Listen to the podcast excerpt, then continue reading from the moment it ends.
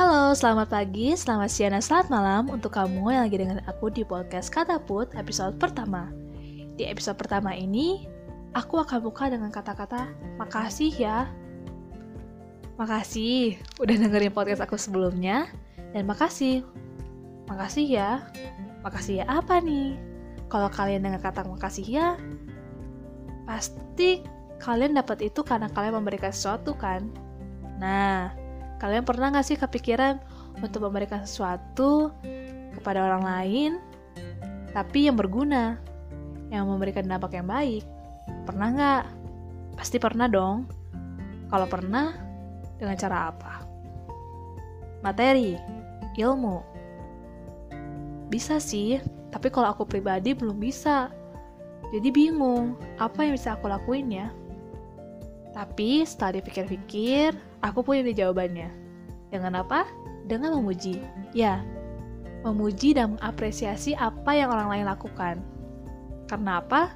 Saat kita memuji orang lain, orang lain itu pasti merasa lebih percaya diri dan lebih bersemangat dalam melakukannya.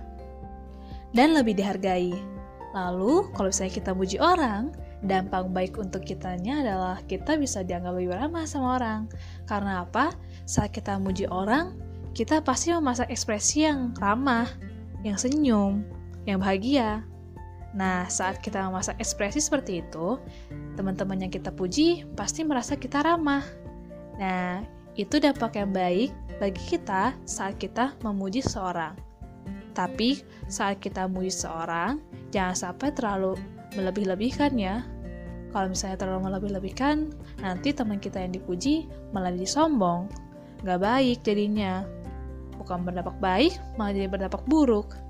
Jadi, kalau kalian mau memuji seseorang,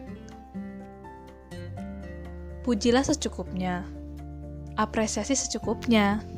Kalau merasa itu perlu diapresiasi, apresiasi. Gitu. Tapi bingung nih, Saw kok aku susah banget ya buat memuji seorang kalian susah untuk memuji seorang karena ego karena gengsi. Makanya jangan gengsi ya teman-teman.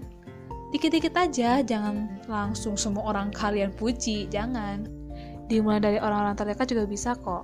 Keluarga sahabat dengan kalian puji mereka pasti mereka merasa lebih baik gitu. Jadi, kalau misalnya kalian pengen bisa berbuat baik kepada orang lain, salah satu caranya dengan cara memuji. Gitu, teman-teman. Jadi, segini aja ya podcast aku hari ini. Semoga bermanfaat untuk teman-teman. Ambil baiknya, buang buruknya. Tetap stay safe di rumah. Dan sampai jumpa di episode selanjutnya. Bye-bye.